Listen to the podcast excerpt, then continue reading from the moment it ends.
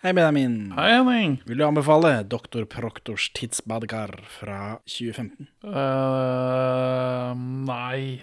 Henning, vil du anbefale Doktor Proktors tidsbadekar fra 2015? Ja, men ikke så sterkt som den forrige.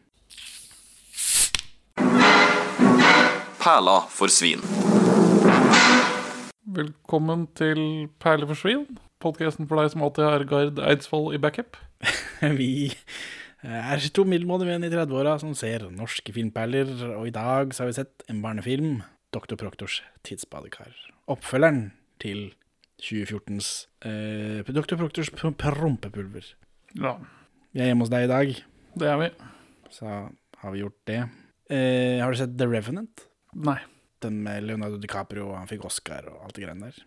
Han fikk endelig Oscar. Endelig Oscar for The Revenant. For det er på grunn av den at Kristoffer Joner ikke er med i denne filmen. Ah, ja, han har en liten rolle der. Jeg vet ikke om du kan kalle det en rolle engang. Jeg, jeg har sett den. Han, det, han har ikke en speaking-rolle, i hvert fall. Jeg, Hæ? jeg så ikke Kristoffer Joner. Det er mulig du kan skimte han som en av de møkkede mennene i bakgrunnen. Men han brukte iallfall et halvt år på nesten ikke noe. Eller altså et halvt år på å fryse i skogen mot at han ikke var med i filmen i det hele tatt. Å ja. ja, for han hadde et sånn bitte lite vindu hvor han skulle slå gjennom internasjonalt. Jeg vet ikke, han er jo med i Er det Mission Impossible 5? Ja, hvor han 6? spiller uh, en eller annen gal oppfinner der. Ja, det er vel noe sånn gift Han Eh, spiller Dr. Proktor. eh, ja, mest sannsynlig. ja. Han er med i begynnelsen på jeg tror det er sekseren, ja, hvor de er senere drar til Ja, han hadde sånn bitte lite. Aksel, Aksel Hennie-forsøk. Ja, prøver seg, da. Det ble jo ikke noe særlig av det. Men det er iallfall derfor han ikke er med i denne filmen. Ja, men da har jeg fått svar på det, for det lurte jeg veldig på. Siden Ja. den kommer så tett i tett at de ikke klarer å få den med på runde to, liksom. Ja, nei, sånn er det. Eh, Denne filmen var tilfeldigvis tilgjengelig på NRK delt i tre deler, som om det skulle være en TV-serie. Ja, for det gjør de noen ganger. Tydeligvis, men de sender jo hele filmer også. Ja, men noen barnefilmer sendes episodisk. Sånn ja, men, mange, Ronny- men mange barnefilmer gjør de ikke det. Ja, men Ronny Røverdatter var filma som en serie, og så er det også film. ja. Mens dette har jo bare vært en film, og så har de delt den i tre. Så det syns jeg var rart. Men eh, sånn er nå det, da. Den åpner på Paris, 1969. Summer of Love. Og her har de, jeg vet ikke, franska opp eh, Sofienbergparken eller noe sånt noe, så godt de kan. Ja, eller så er det i Ungarn. Ja, Det kan også hende, men det er jo ikke Sveig Espelen, så den kan jo ligge hvor som helst. Det kan.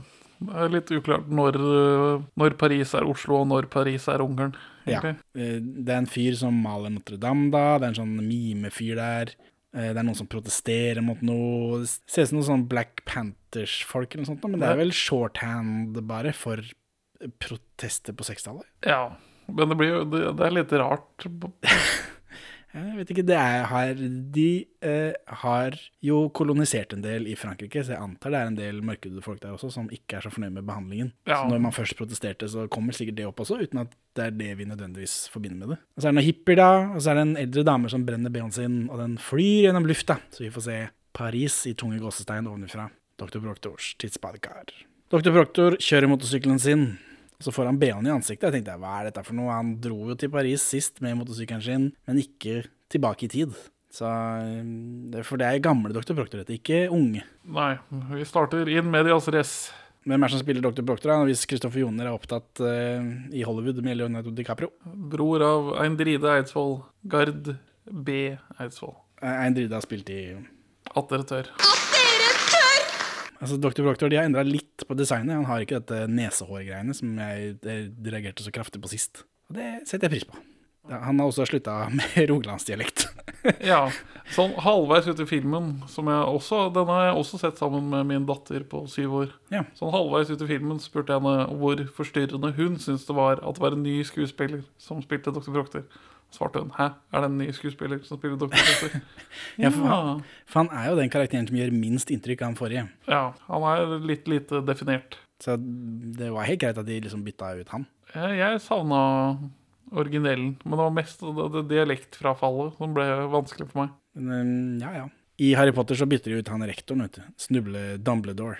Ja, Og da bytter de jo De gjør en hel Designet på han også er annerledes. ja. Så de gjør litt mer ut av det, da. Her har de bare fjerna nesehår. Som jo, riktig tanke. Men eh, Og han er den som gjør minst ut av seg, syns jeg, da, i den forrige filmen. Det er liksom han du husker minst.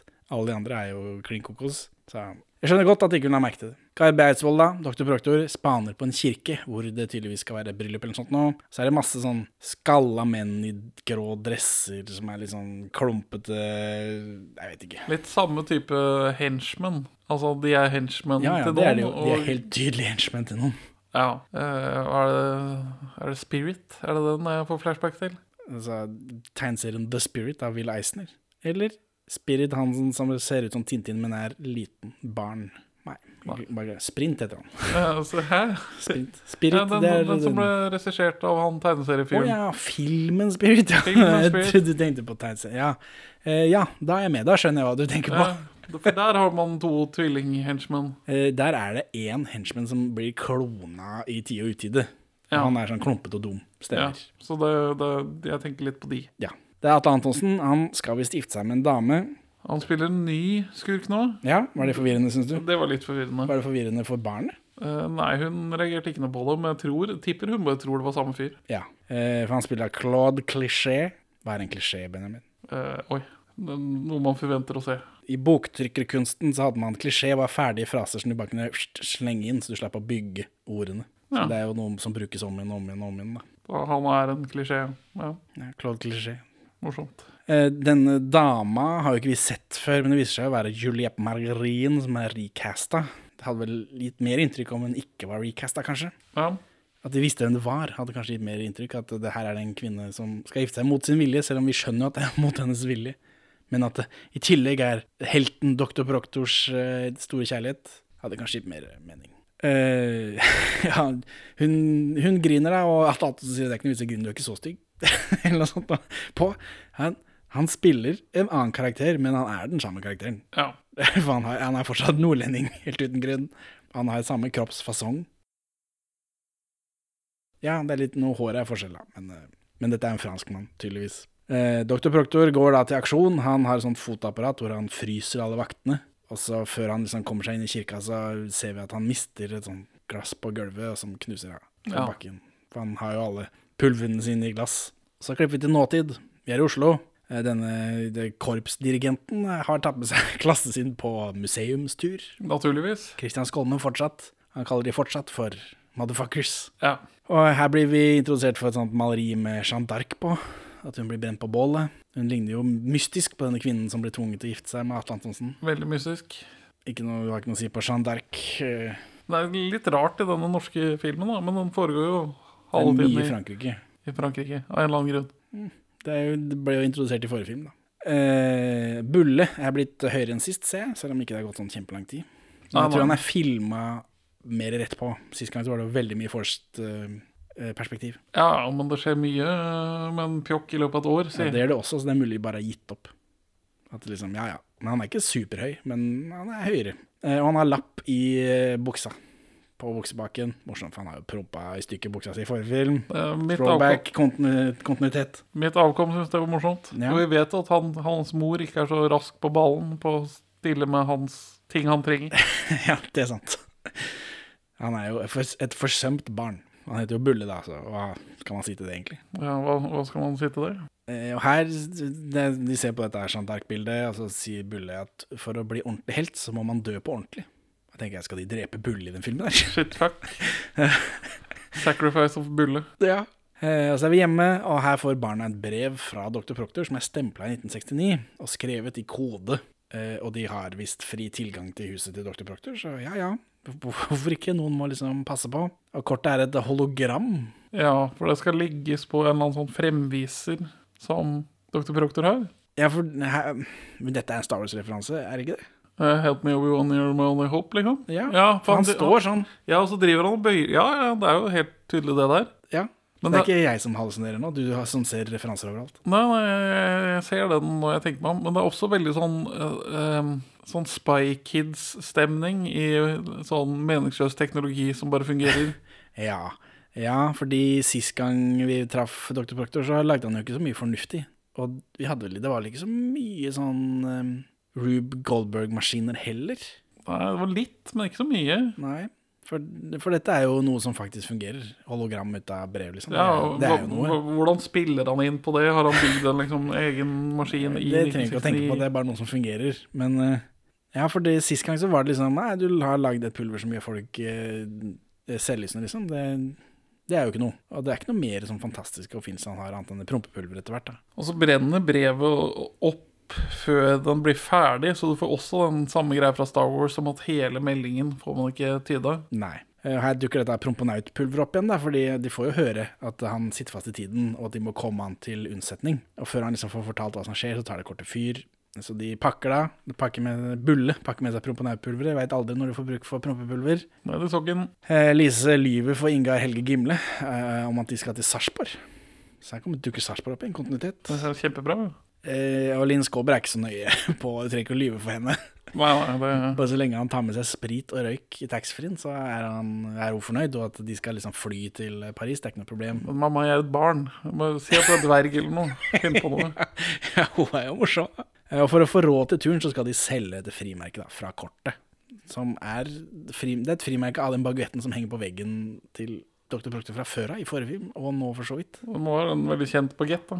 Tydeligvis. For det synes jeg i forrige film så synes jeg ja, det er en morsom greie, fordi en så stor del av Dr. Proctors bakhistorie er at han har- studert i Paris. Så, så er det liksom baguett på veggen.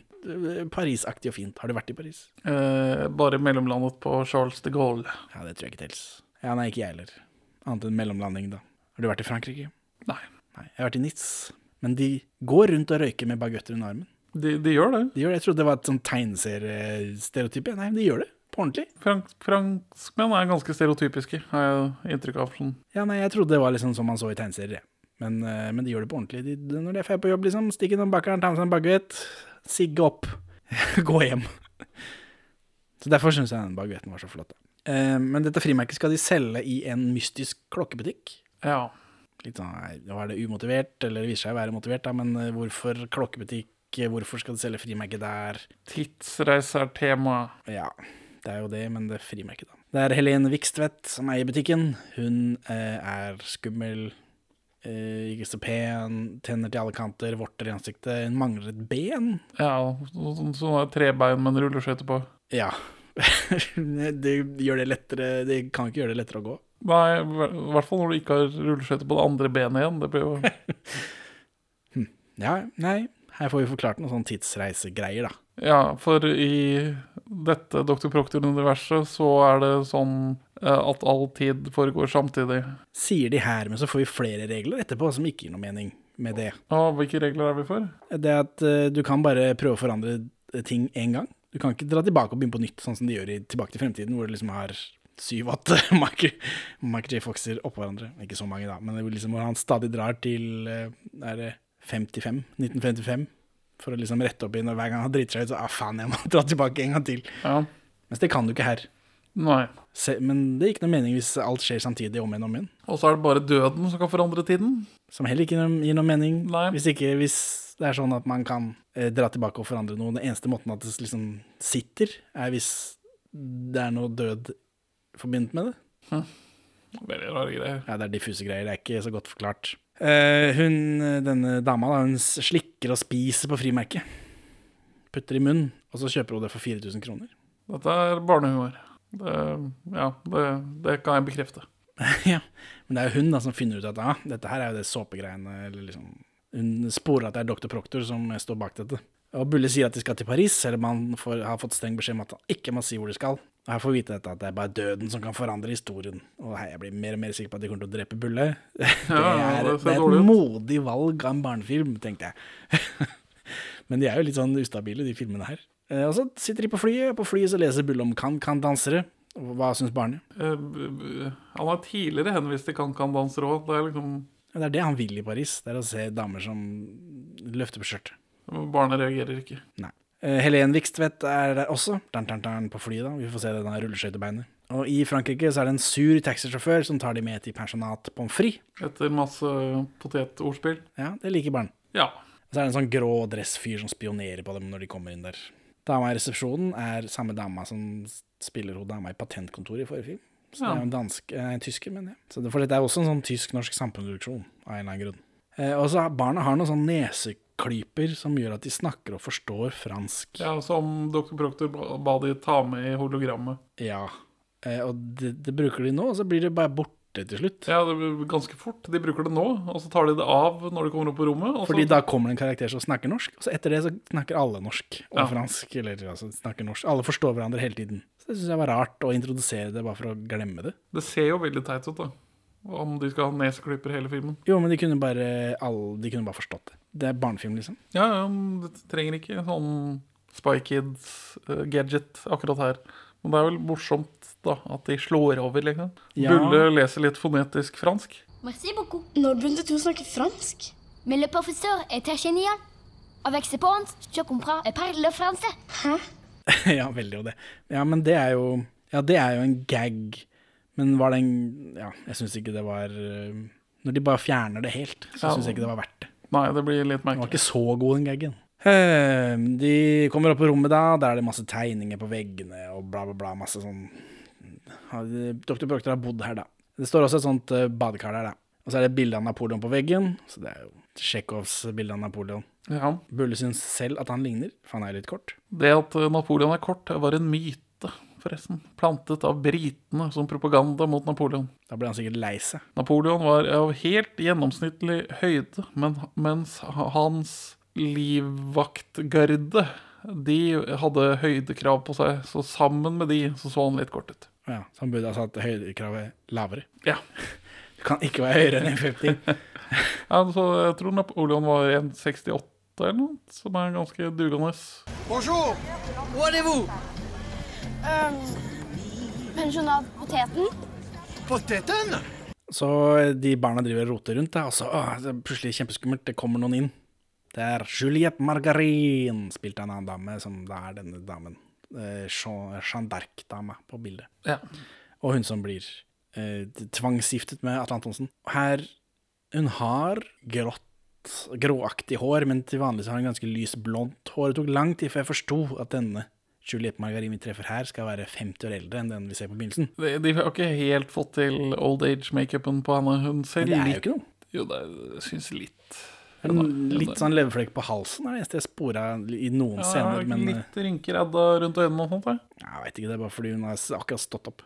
Eh, og, og her så prøver hun å forklare blomster og bier, og så viser hun med henda Ja, sånn herd og Ja, pekefinger. for du spør hvorfor de hang så mye om natta. Altså, nei, når du voksne er glad i hverandre, veldig forelska, og så vis, lager hun høl med fingeren, og så rister hun litt på Og så kaller hun til å begynne. Ja, eller hun snakker norsk, og barna lurer på åssen snakker du norsk. Nei, for jeg og, doktor, jeg og Viktor vi var sammen dag og natt. Og så spør de hæ, hva sa du nå? Så er det det at hun, han doktor heter Viktor de skal frem til, men hun tror da at hun må forklare knulling for barn. Syns eh, barn om dette? Eh, hun syntes det var rart, men jeg tror hun, hun lo sånn, sånn Høflig. av sjenanse. Ja. ja. Hun lo ikke for, for å være høflig Nei. mot filmen. Eh, Dr. Victor Proctor, ja. Ja ja. Nå er det en flashback-scene med stumfilmmusikk igjen. Ja.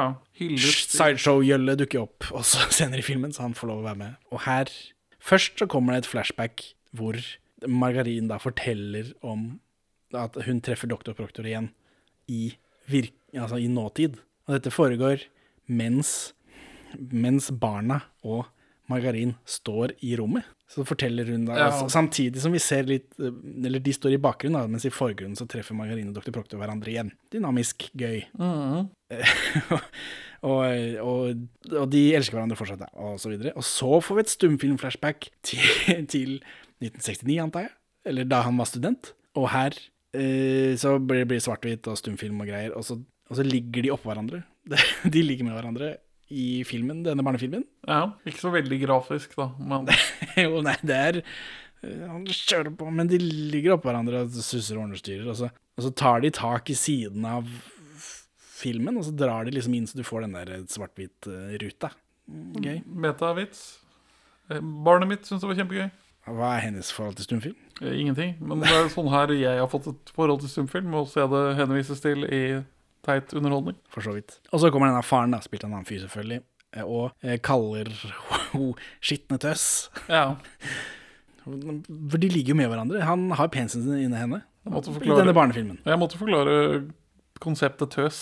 Og at i gamle dager så var det menn, mente menn at de måtte bestemme hvem kvinner skulle være sammen med. Hvis kvinnen prøvde å bestemme selv, så var hun en tøs. Ja. Eh, Og så nå går vi fremover i flashback igjen. Ikke helt til nåtiden, men litt grann til når Margarina og Proctor traff hverandre på ny. Eh, og Proctor viser deg frem dette badekaret, åssen det fungerer. Hva syns du om denne scenen? Flashback i flashback. eh, De er, eksisterer i samme rommet som flashbacket foregår. Ble jo litt forvirret, men Ja, det ble ikke imponert, altså. At det var Nei, men jeg, jeg, jeg liker stilen. Jeg kjøper liksom det som en helhet. Nå begynner disse henchmennene å samles på gata, og de bjeffer til hverandre. eller sånt. De, de kommuniserer ikke på vanlig måte. Nei, Vi trenger litt mer backstory på hvordan disse her fungerer innad i universet. Ja, fordi Claude Cliché er jo en rik fyr. Det er mye det samme som den Herr Trane heter han vel i den forrige filmen. Ja, for Han er rik på eh, noen veldig elastiske bukseseler han har funnet opp. Ja, jeg er ikke helt sikker på hvordan, hva har det med disse grå dressfyrene å gjøre. Hadde det vært noe der, da, så hadde jeg kanskje skjønt det med en gang, men dette har jo ikke noe med hverandre å gjøre. Eh, barna begynner å få dårlig tid, da, og Margarin. Proktor har dratt til 1969 for å forhindre bryllupet mellom Margarin og Claude Cliché, eh, som vi så i begynnelsen da. Men betyr det da at gamle Margarin, som vi treffer nå, har vært gift i 40 år med Atle Antonsen allerede? Ja, det gjør vel det, da. Og at det er derfor de henchmennene har samla seg, er for å jakte henne opp igjen, liksom. At hun har rømt. Ja, men hun kan jo bare skille seg, da. Men altså. Eller klarte Dr. Proctor å forhindre her, da, før vi får se dette, klarte Dr. Proctor å forhindre bryllupet, og dermed har hun ikke vært gift, men har likevel ikke sett Dr. Proctor på 40 år? Tidsreiser, ass. Det, Ja, det er ikke lett. det ikke lett. Det viser seg jo at han klarer ikke å forhindre bryllupet. Uansett da, så må de gi eh, Dr. Proctor mer tidssåpe, for han er tom. Det var det denne, dette brevet var. Eh, margarin flipper en bryter. Klikk, og så er det en ny episode i denne oppdelingen. ja. Men eh, eh, margarin har denne tidssåpa i vannet, og så er det masse skum og greier, og så dykker barna ned i badekaret, og så følger en slags Stargate-sekvens. Du har jo sett eh, 2001 Space Odyssey nå. ja. Den derre Stargate-greiene som er altfor lang, med farge sånn, når ikke man er er proppfull av narkotika. Og som ikke er så imponerende nå som vi har sett alle versjonene av den de siste liksom, ja 60 jeg, jeg syns den originale holder seg helt greit, i hvert fall. Jeg tror det var mer imponerende før når ikke man liksom så det så Ja. her og der. Men dette er en sånn pastisj på det, tror jeg. Ja. Eller bare Det er blitt en sånn Det er noe man gjør når man reiser i tid. Og da er mekanikken er at man skal tenke på Stedet man vil til. Ja. Og de må holde hverandre i hånda, disse barna, da. For ikke å komme bort fra hverandre, men så de, da, selvfølgelig. Så eh, Bulle sklir av gårde et annet sted. Eh, Lise kommer ut av badekaret på riktig sted, da, i hvert fall. Eh, så da ser vi begynnelsen av filmen igjen, fra en annen vinkel. Eh, Dr. Proctor driver og fryser folk. Hun blir tørr på magisk vis. Det er noe som skjer støtt stadig. ja. Uten at vi skal tenke på det. Men de har ofte litt sånn såpe i håret. Ikke Ja. noe særlig mer. Anton, Det går fort og gærent i filmens klipp. Det er ikke noe Nei, nei, nei. Eh, Antonsen snakker fortsatt nordlending, da, som nevnt, selv om han spiller en franskmann. Det syns jeg var litt gøy. At han egentlig er samme karakter, men er en annen karakter. Stilistisk. Et eh, morsomt stilistisk valg. Ja. Og så er det det, det er samme regissør her også. Han har jo hatt med seg eh, Atle Antonsen fra uh, Pippelterje. Proktor fryser folk der på vei inn, og så fryser han presten. Men når han skal liksom skyte Antonsen, fryser han, så treffer han Juliette Margarin istedenfor. Bommert. Det er flaut. Så Antonsen truer da Proktor med en kjempelang revolver. En forferdelig lang revolver. Og den er så lang eh, og tung at Antonsen faller ned en trapp. Ja. Ja, upraktisk. Uh, upraktisk. Proktor skal uh, Fordi han faller ned trappa, Antonsen, og så ligger han liksom flatt på ryggen. Og så kommer dr. Proktor, og så kan han skyte han i hodet med dette fotoapparatet. Ja, det virker ikke som om han trengte har trengt å være up close and personal, men nå gjør han det. ja, han er liksom det er godt han ikke har kniv. Eh, men det funker ikke så godt, dette fotoapparatet hans. Så han begynner å fikle med det, og så snur han det rundt, og så skyter han seg selv i huet istedenfor. Så det var dumt. Jeg får innklipp av Bulle, som dukker opp midt i et sånt kan-kan-nummer, for det er det han har tenkt på. Ja. Morsomt. Det er en fin, fin vits. Og så blir Dr. Proctor båret ut av disse gråkledde folka, eh, hvor Lise venter. Jeg er heldig at de ikke bare skjærer over strupen hans nå, liksom. Siden de senere har tenkt å drepe han. ja, eller kaste han i elva. Så Rart ikke de kaster han i elva nå. Ja, det hadde vært mye enklere. Eh, Men disse får vekke han da, og her får vi vite da at man bare har én sjanse til å endre tiden, så de kan ikke gjøre dette en gang til. Og så får innklipp av Bulle som danser kant-kan. Morsomt. Sammen med alle disse damene. Og i stedet for å dra hjem, så vil dr. Proctor dra til den franske revolusjonen for å redde en av forfedrene til Juliette Margarin, for at hun fortsatt skal være rik, så slipper å gifte seg med Antonsen for penger. Ja. Hva er etikken i dette, egentlig? Uh, Scarlett Pimpernell. Ja, det er bra å redde liv, kanskje, Men millionærer skal jo dø. Billionærer skal jo dø. For ikke noe annet å fucke med timeline, hva det kan ha for konsekvenser for nuet. Det virker jo ikke å ha noen konsekvenser. Det er jo bare død som kan Det virker ikke å ha noen konsekvenser i det hele tatt, når de, fordi de roter jo rundt og ordner og styrer. Det virker som det bare er én gang det sitter. Ja. Og det har, jeg har ikke noen sånn kjempekonsekvenser, annet enn at det Ja, vi kommer vel til det. Men det liksom Fikle med tiden for at For penger. for, for at man skal bli rik. Det var vi lært i uh, Tilbake til fremtiden 2 om dette. At dette, det brenner man seg på. Ja. Så, men Lise insisterer på å hente Bulle først. Og så er det noe greier om at hippier er møkkete, for det badekaret endte opp i en sånn park med noen hippier. Ja. Og de uansett ikke bader. Uh, så, men Lise får hente Bulle alene, så kommer uh, Dr. Proctor etter, blir det sagt. Og så får vi se at eh, Helene Vikstedt, Helen Vikstedt er på pensjonatet og smaker på en såpe i vannet. Æsj. Blæ. Blæ. Blæ. Og så kommer Lise da, og ut der sånn, bopp. Vet ikke, hun vet jo ikke hvor Bulle er. Nei, hvordan Eller kanskje det fungerer såpass slapt at hun bare kan tenke på 'jeg vil til hvor Bulle er'. Men så er det eh, Hva vil vi ha? Tidsreiser. Når vil vi ha det? Irrelevant. Ja. For det, det er Når kommer de tilbake på dette? Tiden som går når de er i fortiden, virker som det samme tidsrommet går i fremtiden til de Ja. kommer tilbake. Men kan de ikke, når de dukker i tidsbadekaret i fortiden, kan de ikke da tenke seg Hvordan kan de tenke seg tilbake til noe som ikke har skjedd ennå, i deres tidsregning? Eh, ikke tenk på det, tror jeg kanskje filmens eh, slagord er. Ja, det kan hende. Fordi da hadde det gitt mening at liksom du, Ja, vi, jeg må dra tilbake og hente Bulle, og han, jeg vet hvor han dukker opp. Han, når han er ferdig der han er, så kommer han tilbake til der vi starta. Men det er ikke det som skjer. De kommer tilbake i sin egen fremtid. Whatever. For uh, Helen Vikstvedt driver og spiser med en såpe. Æsj. Og så kommer Lise opp av vannet.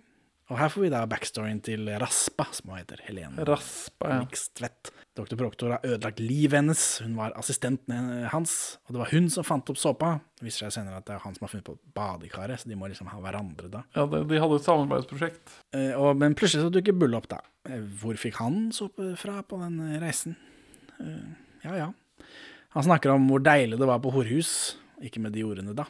Nei, men Han er full av leppestift. han er, han er det. Han har nussa mye i fjeset. Kåsa seg. Eh, og så truer Helen Vikstedt Bulle med pistol. Uhøflig. Uhøflig. Eh, Men da åpner margarindøra, og barna rømmer da eh, inn i, ned i tiden. Og da ender de opp eh, i feltsoverommet til Napoleon, hvor han også har et badekar. Eller altså hvor det tidsbadekar Altså, når du er keiser, så er du keiser. Ja, eller generator, som det heter her. Ja. Bulle fòrer en sovende Napoleon med promponautpulver, og han bare blaster av gårde. ja og altså, Napoleon vil jo ikke være eh, informert om hvordan man bremser for å lande igjen. Da. Så vi kan jo anta at Napoleon dør av denne fadesen? Jeg antar at han skyter rett inn i den engelske leiren. Det er det som har skjedd. Ok. For resultatet Eller dette påvirker jo ikke tiden. Nei.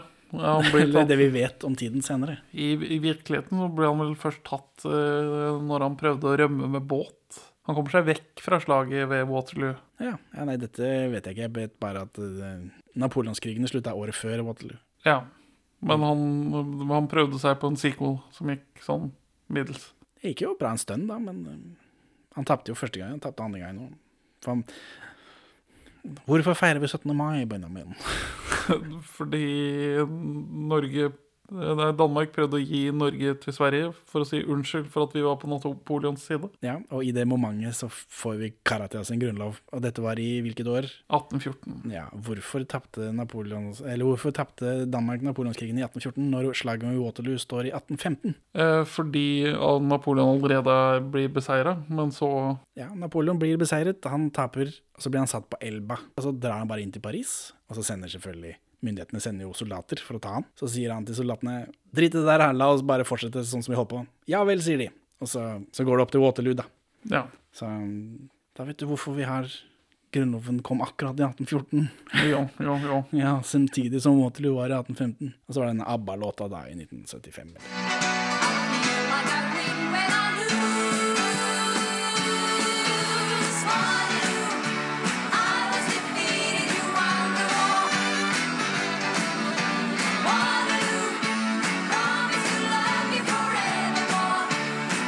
Så uten Napoleon, ingen ABBA-vinn i Melodi Grand Prix. Nei. Uansett, Bulle skyter Napoleon av gårde.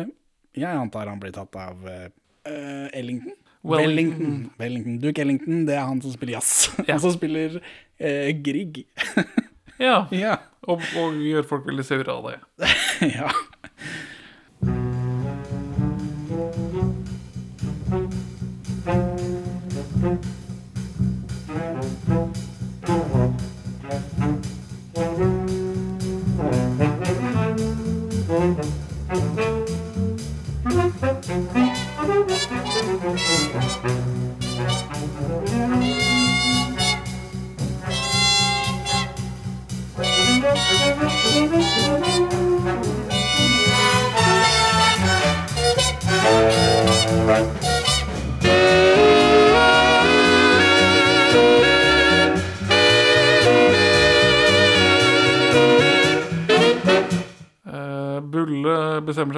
Å hans. Selvfølgelig. For, og den passer akkurat. Selvfølgelig. Bitte liten fyr. Og da kommer Erlend og Steinjo. ja. For de spiller to soldater. Eh, De spiller gjennom hele tiden. Gjennom all tid spiller de vakter. Og dette, de snakker nynorsk av en eller annen grunn. Og dette er noe fra forrige film. Ja, for da er det politimenn uh, som, Ja. som gjør det. Så da er det, det, det håndhevere. Ja, for jeg tror de har jo også ganske aggressiv um, ansiktshår, disse. Og det har jo disse politifolkene. Jeg lurer på, Kan det være det samme ansiktshåret? Det så jeg ikke på. Ja, kanskje, kanskje. Eh, og så kaller de han generator hele tiden, men det viser seg at det er fordi Napoleon vil bli kalt det. For det er en blanding av diktator og general. Tror kanskje han hadde noe lignende uttrykk. Kan hende, men for meg så var det bare veldig forvirrende lenge før det blir forklart. Men de tror jo han er Napoleon, da, som sagt. Lise drar i forveien, altså i badekaret. Ja. Den forsvinner i forveien der. Mens eh, Bulle mm, bruker litt tid på å agere som Napoleon. Ja. Det viser seg at det er dagen for slaget ved Waterloo, som er en strek i regninga for Bulle, virker det som, selv om han håndterer det ganske bra når det kommer så langt. Og så er det en greie her at franskmenn ikke pusser tennene. Det har jeg Ja. ikke hørt om før. De er skitne og lave på hygiene. Det, ja, Franskmenn lukter. Det tror jeg er en stereotype. Det kan hende, men det er fordi de spiser så mye ost og drikker vin. Ja. Lise er midt i, eh, i revolusjonen, da, den franske revolusjonen. Og her er det noen som poserer for det ene maleriet folk kjenner, fra, som skal liksom, ja, representere den franske revolusjonen. Hun kommer rett inn i poseringen for det. Eh, Alice venter på Bulle. Hun står her og venter på Bulle, men det er jo tidsreiser, dette. da. Det, det er ikke sånn det fungerer, nei. Men Så han skulle jo dukke opp med en gang, uansett hva han har gjort, men uh, barnefilm og så videre. For nå Bulle styrer nå den franske hæren, ja. og Bulle kan på stedet hvil. Ja nå- han er litt informert. Ja, han kan hvil. Ikke hvil og hvil, men hvil. Eh, Og så får han de til å hoppe og sånn barnegreier, da. Og uh, uh, han Herri, herri, herri, ho. Ja, det er senere, hvor det er allsang. Ja, men eh, jeg tenkte først på den slutten i Blues Brothers. Men så innser jeg jo at når man tar det sammen med dansen han får det til å gjøre Ja, så, det dansen de gjør, er jo Gangnam Style. Ja, men de tar også et, et trinn fra What Does The Fuck Say, tror jeg. Den der, der sånn, det er Gangnam Style. Ja. Jeg tror, jeg tror det er en referanse inni der til det nå. Mulig. Gangnam Style i hvert fall 100 Gangnam Style. Hva syns barna om dette? For dette er barnegreier. Ja, dette, dette er morsomt. Ja. Og nå er det tilbake til den franske illusjonen. Og her blir det død, rai, rai. Morsomt for far. Ja. Her blir det død, rai, rai, her blir det død. For det er Sideshow Jøgge, da, som spiller Bøddel. Ja, hovedrollen i Fatso. Eh, og så eh, er det For nå er det en svær sånn gjeng med folk som skal se på eh, at noen blir giljotinert. ja. Og så står det noen gamle damer og strikker. Så du det? Nei, Det er en litteraturreferanse, Benjamin. Hvilken da? Tale of Two Cities. Charles Dickens' Tale of Two Cities. Det, det handler jo om revolusjonen, og der er det masse gamle damer som strikker. Ja, Når folk kapper soda. og Liksom, ja. friskt. Basert på en bok av en forfatter, dere. ja. Dette er jo dette også. Jo Nesbø han, Jo Nesbø har sikkert lest eh, en og annen Charles Charles Dickens, tror du ikke det? Det skulle jeg tro. Proktor, Dr. Proktor skal halshugges, da, men Lise stopper det. Og reglene er, er sånn at hvis man stopper en halshugging, da blir, er det du som skal halshugges. Ja. Eh, Og, men nå har det skjedd så mange ganger at de i publikum, Bjarne Brøndbo i publikum Som uh, er perfekt visuell gag når vi først alt 'her blir død, Rai Rai. Ja, men Det er rart at ikke han spiller Budderen, tenkte jeg. Men han vil, jeg håper å si, han vil vel ikke stå toppløs, men det elsker han jo. Ja, så da vet jeg ikke. Han slipper å dekke det i ansiktet. Kanskje det har blitt for vanskelig hvis han dekker det i ansiktet. Men det har blitt et ekstra lag. da. Morsommere at det er faktisk han. Jeg vet da faen. Han står iallfall i publikum da, eh, istedenfor, med Rune Hagerup ved siden av han. Han fra U. ja, Og Askeladden. Han budbringeren i Askeladden. ja. Og jeg tror han er med i den første også, som random eh, nabo, bare. Uten at han sier noe. Han sier ikke noe her heller. Jeg skjønner ikke Ja, han kjenner jo masse folk, da. Han har Ja, jobba i U lenge. Sikkert noen som kjenner noen. Ja. Eh, Bjarne Brøndbo blir utålmodig da, og starter en chant for dobbelthugging. For hvis det liksom skal fortsette sånn, så blir det jo aldri noe halshugging. Ja. Dobbelthugg. Dobbelthugg. Det er veldig gøy på trøndersk. da. Alt er gøy på trøndersk. egentlig. Alt er gøy på trøndersk. Eh, mens hold- de holder på med dette, alt jeg på å si. Det er jo ikke mens heller, det er jo tidsreise. Det er jo Eh, Så leder Bulle den franske hæren i allsang, da, som vi har nevnt, og Gangnam Style, før han avarmerer de og løser opp hele hæren. Ja. Mot at de lover å ikke si noe. Si at vi kjempet eh, tappert og tapte. Ja, så det er veldig hyggelig, da. Og så blir Lise Lise ligger da oppå Dr. Proktor. Hun skal også halshugges i en sånn dobbel halshugging. Uhøflig med halshugge barn. Ja, og så det liksom går denne kniven ned, og så ser vi liksom i bakgrunnen der at Bulle kommer løpende oppå crowden. Så du det? Nei, det så jeg ikke. Nei, jeg så det. Det var morsomt, for han, liksom, han er jo ganske liten. Og så da i grevens tid så klarer Bulle å stikke sverdet inn liksom, mellom giljotinen der, sånn, så ikke den treffer de. og, så, og så sier han nei, ikke noe stress dette, jeg har jo nettopp liksom, prata med hæren, det var ikke noe problem det, det var kjempelett. Ja, det Jeg er kan gjøre akkurat det samme. stagge folkemengder. Ja, eh, og det funker ikke så godt, for Bjarne, Bjarne Brøndbo vil ha trippelugg i stedet. Morsomt. Ja, eh, Bjarne Brøndbo som blodtørstig publikummer, jeg, jeg liker det. Eh, rart, men gøy. Og så, nå kommer det noe sånn kontinuitet igjen, fordi Bulle spiller den franske nasjonalsangen på trompet. Ja, Han kan jo spille trompet, det vet vi fra forrige film. Eller han har iallfall lyst. og da er de pliktbundet til å ta hånda til hjertet og synge med. Ja. Så mens de er opptatt med det, så befrir han da Lise og doktor Proktor. Eh, og da, når de liksom løper av gårde og gjemmer seg, så bare Hva gjør vi nå, da, Bjarne Brunbo? Nei, jeg må ta han greven igjen, da.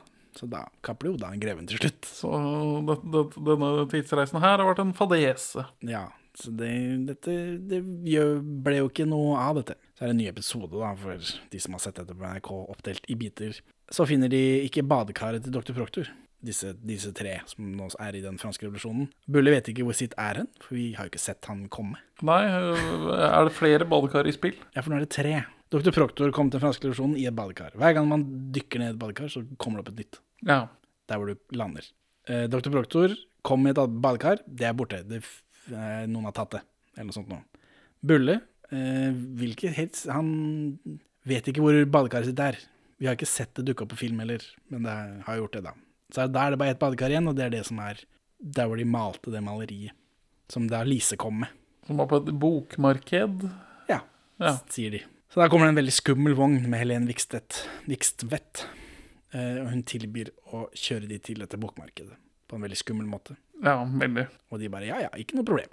Men i denne vogna så sier dr. Proctor at det var med vilje at han lurte henne hit. Han har, det, er, det er min plan hele veien. Ja, at det var med vilje at, hun gir gi beskjed til Bulle om å ikke si noe, for da visste han at han kom til å si noe. Ja, men det er veldig sånn Hva om du hadde klart å redde denne greven, da?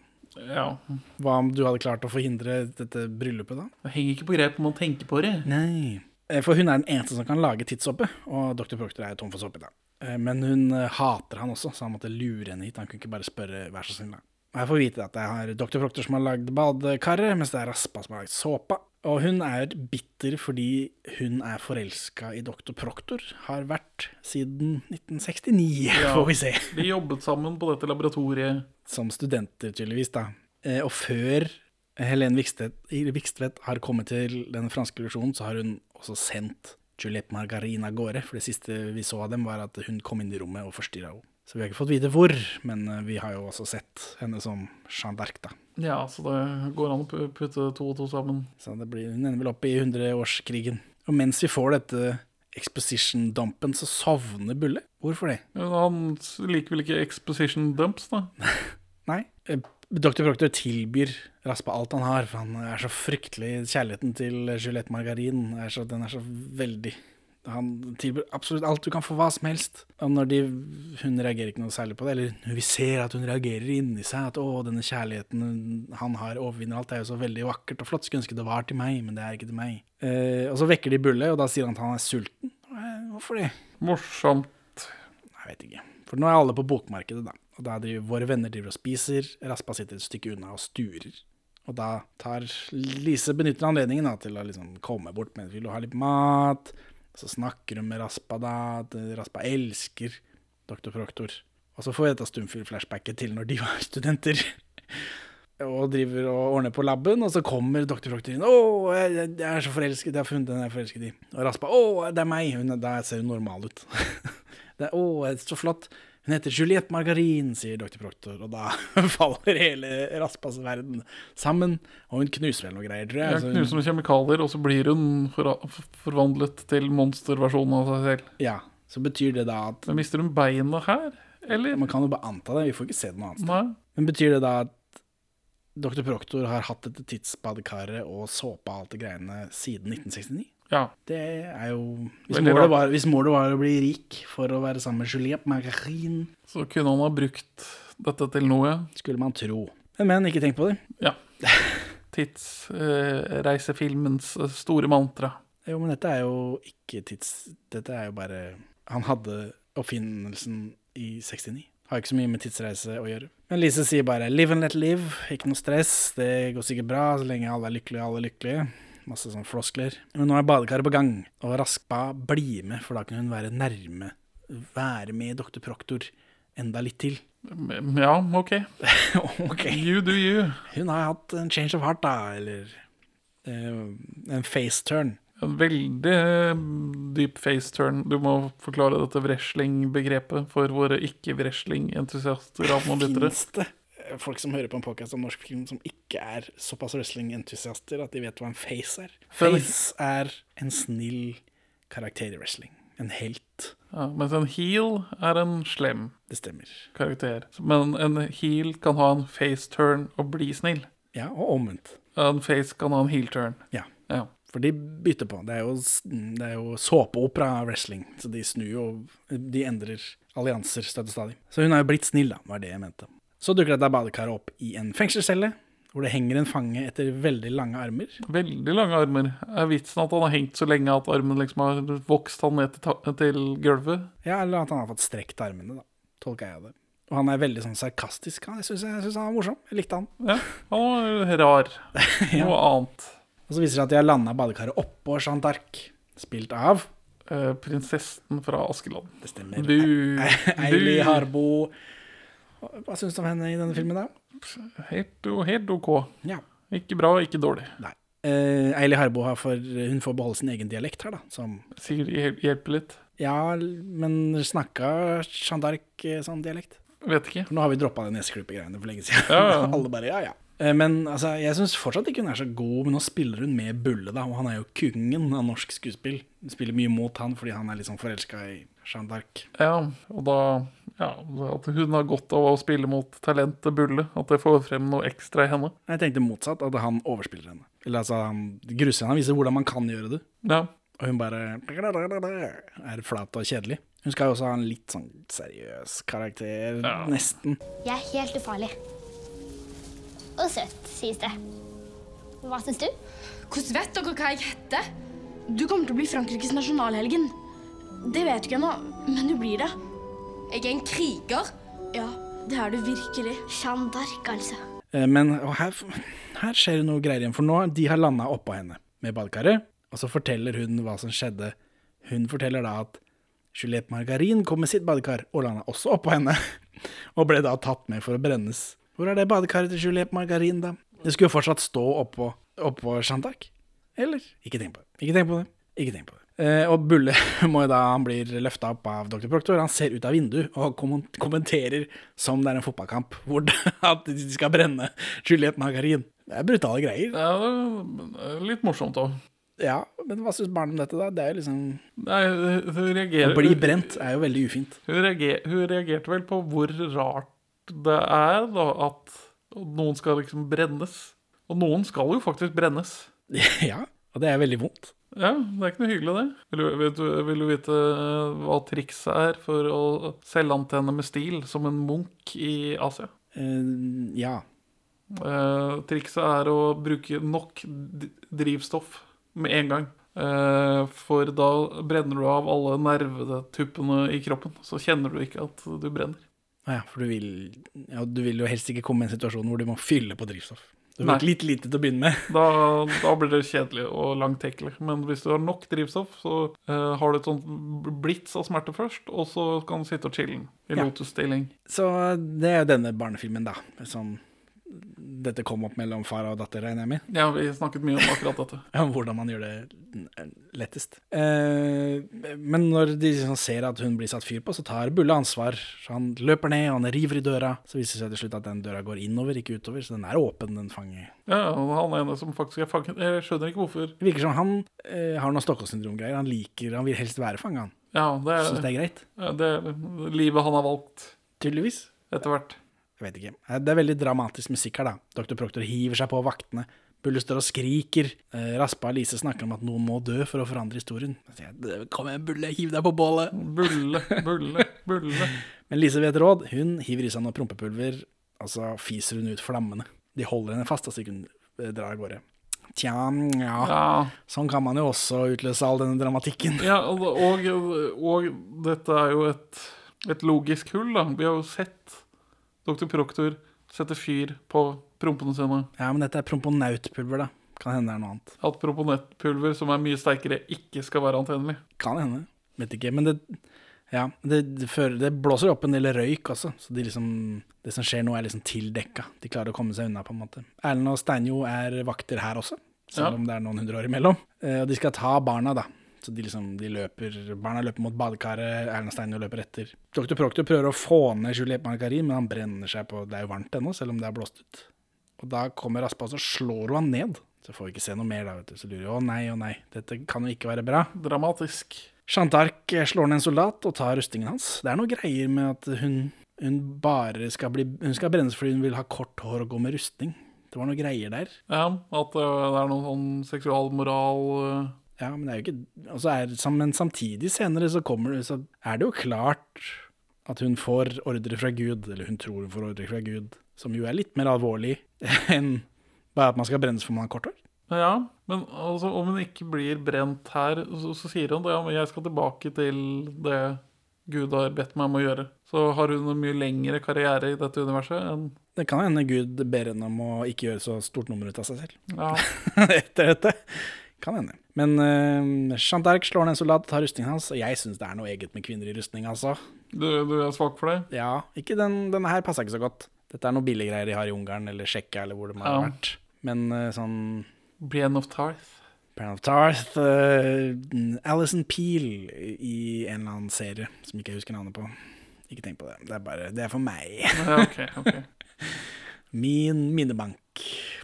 Hva heter hun i den Hun heter hun i Shantark igjen? da? Nå har jeg glemt. Mila Jovovic. Ja, Mila Jovovic, så videre. Ingrid Bergman. Hun har spilt Shantark òg, men jeg husker ikke om hun hadde rustning på. Jeg husker bare hun brenner. Men dette kan da ikke være rettferdig lag? Og der settes kampen i gang. Hjemmelaget går rett i angrep. Det begynner å bli dårlig med tid. Nei, feil. Veldig, veldig dårlig med tid.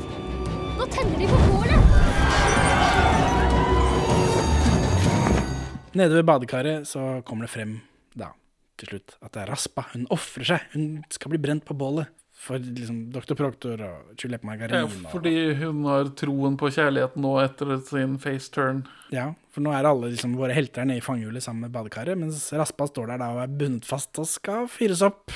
Så for å gjøre bot for at hun først prøvde å drepe eh, Margarin. Margarin ved å sende henne tilbake i tid, så skal hun selv ofre livet. Det er bare døden som kan forandre historien. Så, men hadde ikke vært mer riktig om det var Jeanne d'Arc da, som brant opp? All den tid hun faktisk gjør det.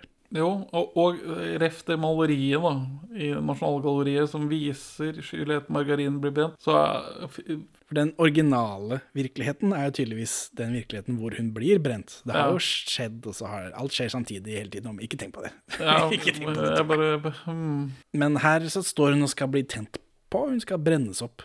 Kvinnen skal, hun skal fyres opp i denne barnefilmen. Hun blir fyrt opp i denne barnefilmen. Hun havner på maleriet sammen med den foten sin. Ja, men hun begynner å, å synge. Take on Ja. me. Er dette for liksom å ta brodden av at de nå brenner opp et menneske i en barnefilm? Jeg tror det. Det er veldig rart sånn uh, jukebox musical-innslag å bare ha med ut av det blå. Ja, jeg vet ikke, jeg syns ikke den teksten var sånn spesielt poetisk heller. Nei. Selv om det er litt sånn kjærlighet og 'dette er ikke dagen jeg skal holde deg', eller hva det er. two. Ja, det er rart. Det er veldig rart. Eh, det- Og det er veldig rart, det er ikke noen referanser til det tidligere.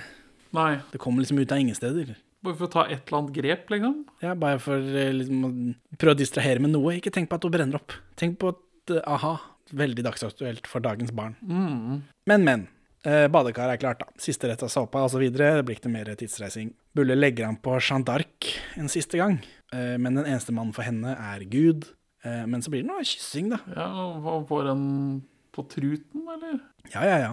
Skikkelig rett på. Jeg vet ikke hvor gammel Bulle er, jeg, men hun er jo 19. Ja, men hun har vel en større aldersdifferanse til gubben sin igjen, da. Eh, det er sant, men jeg tror ikke det er så mye klining der. Nei. Ai, ai, ai, her snakker gutta forbi hverandre. Henning snakker om Jean D. Ark som blir brent som 19-åring, og at det er aldersforskjell mellom henne og Gud som hun mener seg gift med. Benjamin snakker om skuespilleren Eili Harbo som er 21 år her, og gift med Stian Christiansen, som regisserte henne i Kyss meg for faen i helvete, og som er 22 år eldre enn henne. Jeg vet ikke, men uh, Bulle blir iallfall helt sånn uh, skjelven i beina. Så han må sitte og liksom ta seg inn etter dette kysset. Så da går badekaret tom for såpe, da, selvfølgelig. Så nå er Bulle stuck i slutten av hundreårskrigen. Flaut. Kleint. Men da kommer Lise på en annen løsning hvor hun ikke fullstendig gjennomfører en tidsreise. Bare sånn med overkroppen, liksom. Ja, for, for, å redde Bulle så må For de har ikke mer, Bulle har ikke mer såpe. Såpa i nåtiden fungerer ennå. Den Ja. er fortsatt litt bobler i. Så da holder de henne i beina, og så døtter henne ned i badekaret bare, og så kommer hun ut, og så får hun tak i Bulle, og så holder de liksom i hverandre, og så blir hun dratt tilbake, da. Så det funker jo. Og så kommer også han der fangen med de kjempelange armene, blir også med, av en eller annen grunn. Så eh, alle er hjemme, alle er lykkelige, bortsett fra Raspa, da. Som du har brent. Ja. Det er veldig lenge siden, da. ja, ikke sånn kjempelenge siden. Eh, Men akkurat da så går døra opp, for det er ikke, filmen er ikke slutt ennå, selv om det er her han burde slutta. Og Antonsen eh, kommer inn og truer de med den kjempetunge pistolen igjen. Nå har han grått hår, da, så det er jo gått 40-50 år. Og så kommer disse gubbene i grå dress, eh, og de skal kaste Dr. Proctor i elva. Hva skal Atle Antonsen med den pistolen, egentlig. Nei, han har jo henchman. Han trenger jo ikke å være dirty on the deed, liksom. Og så fester barna bukseselene til Antonsen oppe i rommet, mens han liksom leder de ned, for han skal skyte de ned av en eller annen grunn. Her har de kjempetidlig i filmen etablert at han er rik pga. veldig sånn elastiske bukseseler, og her får vi en utlys utløsning på det. Han, skulle, hvorfor gjorde du ikke dette med Take On Me? For han går jo ned en lang trapp og greier, da han liksom går ned med de, og så er det noe sånn Ta ett skritt til, da, sier Bulle. ja, sånn du er sikker på at du treffer. Faen, han skal nå skyte disse barna. Jeg skjønner ikke hvorfor han kunne skutt, skutt masse folk hvis han liksom har det i hjertet. At han bare kan skyte folk. Men, men. Eh, og så den ene steget er jo selvfølgelig for mye. Eh, Juliette Margarin står foran barna, for hun vil liksom Ja. Det er riktig impuls. Og så er det en tyskerdame fra tidligere som får han til, til får disse strikkene til å trekke seg sammen ved at hun finner de i trappa og gir den ene et sånt lite flikk, samtidig som han tar det siste skrittet. Og da trekker disse buksene seg sammen, og han blir dratt opp trappa. Masse kinetisk energi som er lagret opp. Og så Dr. Proctor han overbeviser disse grådressfolka om at han kan ikke ta et bilde da, av disse kule folka som skal til live av meg. De er ikke så lure. Nei, og de skal fylle lommene hans med mynter Ja. for å senke han ned i seinen. Så han skyter de med dette fotokameraet, da, og så fryser de. Dette, de, kunne, de skulle kutta det litt før, spør du meg. Ja.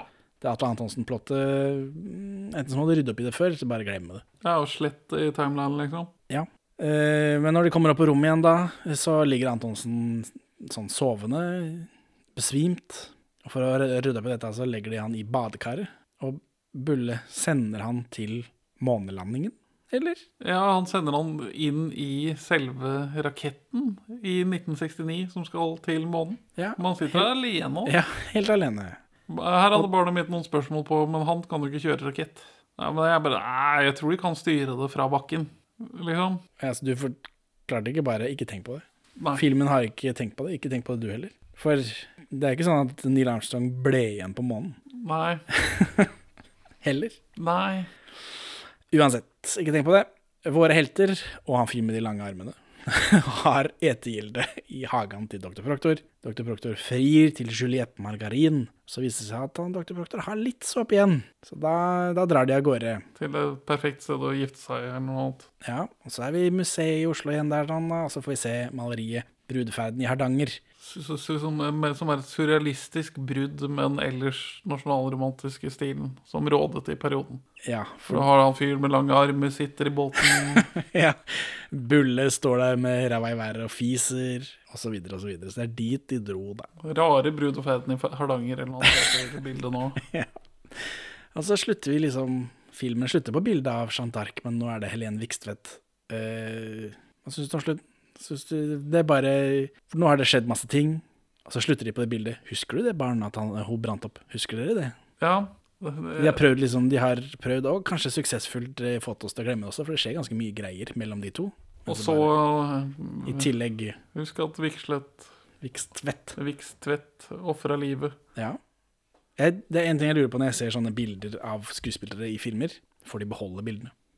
Jeg tror det. Hvem ellers har bruk for det? Jeg tror det, Eller det er vanlig å stjele dem, i hvert fall.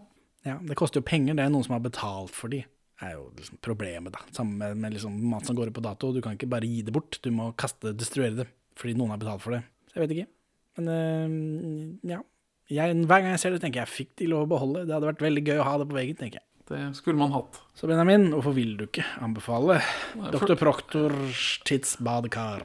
Fordi den, den er, følger ikke opp den første på noen bra måte. Den er liksom bare en sånn rotete Den samme greia som forrige film, bare at mer rotete.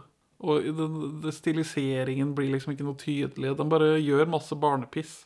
Mens den forrige, den, den fungerte mye bedre som en helhet. Så Henning, hvorfor vil du anbefale denne? Eh, For jeg, jeg liker det fortsatt, men det er dårligere enn sist. Det er Ja. det. det. Jeg liker jo det sjuke designet, syns jeg var veldig fint den forrige. Og det, mye av det blir borte med dette franske greiene. Så er det Bulle er jo liksom ja, det er god, Han er god, altså. Skulle ønske han gjorde mer. Skulle ønske han var skuespiller fortsatt. Ja, vi liker Bulle. Eh, Men og så er det veldig tydelig i denne filmen at alt liksom er filma i sånne små kott. At alt er filma på liksom scener Jeg følte kanskje ikke det i den forrige. Jeg la ikke merke til det, i hvert fall, men her er liksom, jeg synes det er så mm, Alt er så innesperra. De kommer alltid til masse rom. Det Bokmarkedet er bitte lite. Der hvor de skal kappe hodet av alle disse folka, der er det liksom Det er inni en sånn der gårdsplass. Det er veldig Alt er så Ja, trangt. den er litt klaustrofobisk til film. Det føles litt mer som en TV-produksjon. Ja. Kanskje derfor det er delt opp i biter og går på NRK. Så, men jeg liker det fortsatt. Jeg klarer ikke å påpeke hvorfor jeg liker det. Bare ting jeg ikke liker. Jeg syns det er rart at det ikke har kommet en tredje, egentlig. Det ble for dyrt, da, kan jeg tenke meg. Jeg vet ikke, jeg husker ikke åssen dette gikk med denne. Ja. Men eh, det var bare det Det sto det at det, liksom, det var bestemt, det blir ikke noe etter denne kom, da. At det blir ikke noe eh, nummer tre. Og så det når barna blir jo voksne og alt dette greiene. Ja. De kan jo bytte ut barn, men det er jo kjedelig likevel, sikkert. Vi skal bytte ut uh, sjølveste Dr. Proktor. Så kan man bytte ut barna. Ja, det er sånn, men barna har mer personlighet. Vanskeligere å bytte ut Bulle Ja. enn det er å bytte ut Dr. Proktor. Ja, barna har mer personlighet enn Dr. Proktor. Han, Dr. Proktor er jo bland i forhold, i hvert fall i den første filmen. Her har han jo litt mer business, men Ha det bra, Benjamin. Farvel, Henning. Takk for at du hører på Perler for svin. Du finner oss først og fremst på perleforsvin.no, men også på Twitter under perler-for-svin, Facebook som perleforsvinpod, eller du kan maile oss på perleforsvinpod at gmail.com. Gi oss gjerne en eh, rating i din lokale podcast-avspiller, og, og legg igjen en beskrivelse, så folk skjønner hva det er for noe tull vi egentlig driver med. Her er ukas Pål Bang-Hansen-sitat ute av kontekst. Og filmen er sett gjennom en ung forfatter som møter og opplever Sofie og hennes etter hvert, viser det seg, ganske sinnssyke elsker i etasjen over.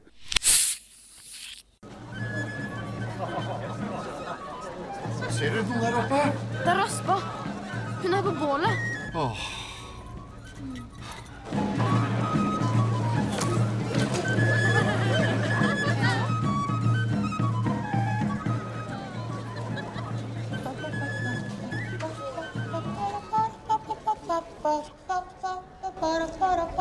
아.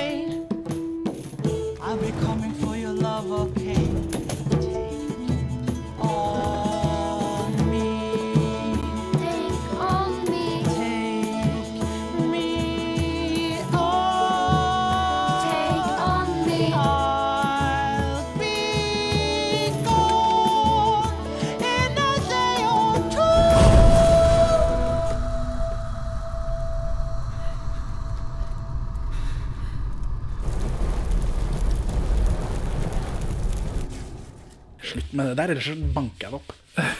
Men jeg klarer ikke å sitte stille så lenge.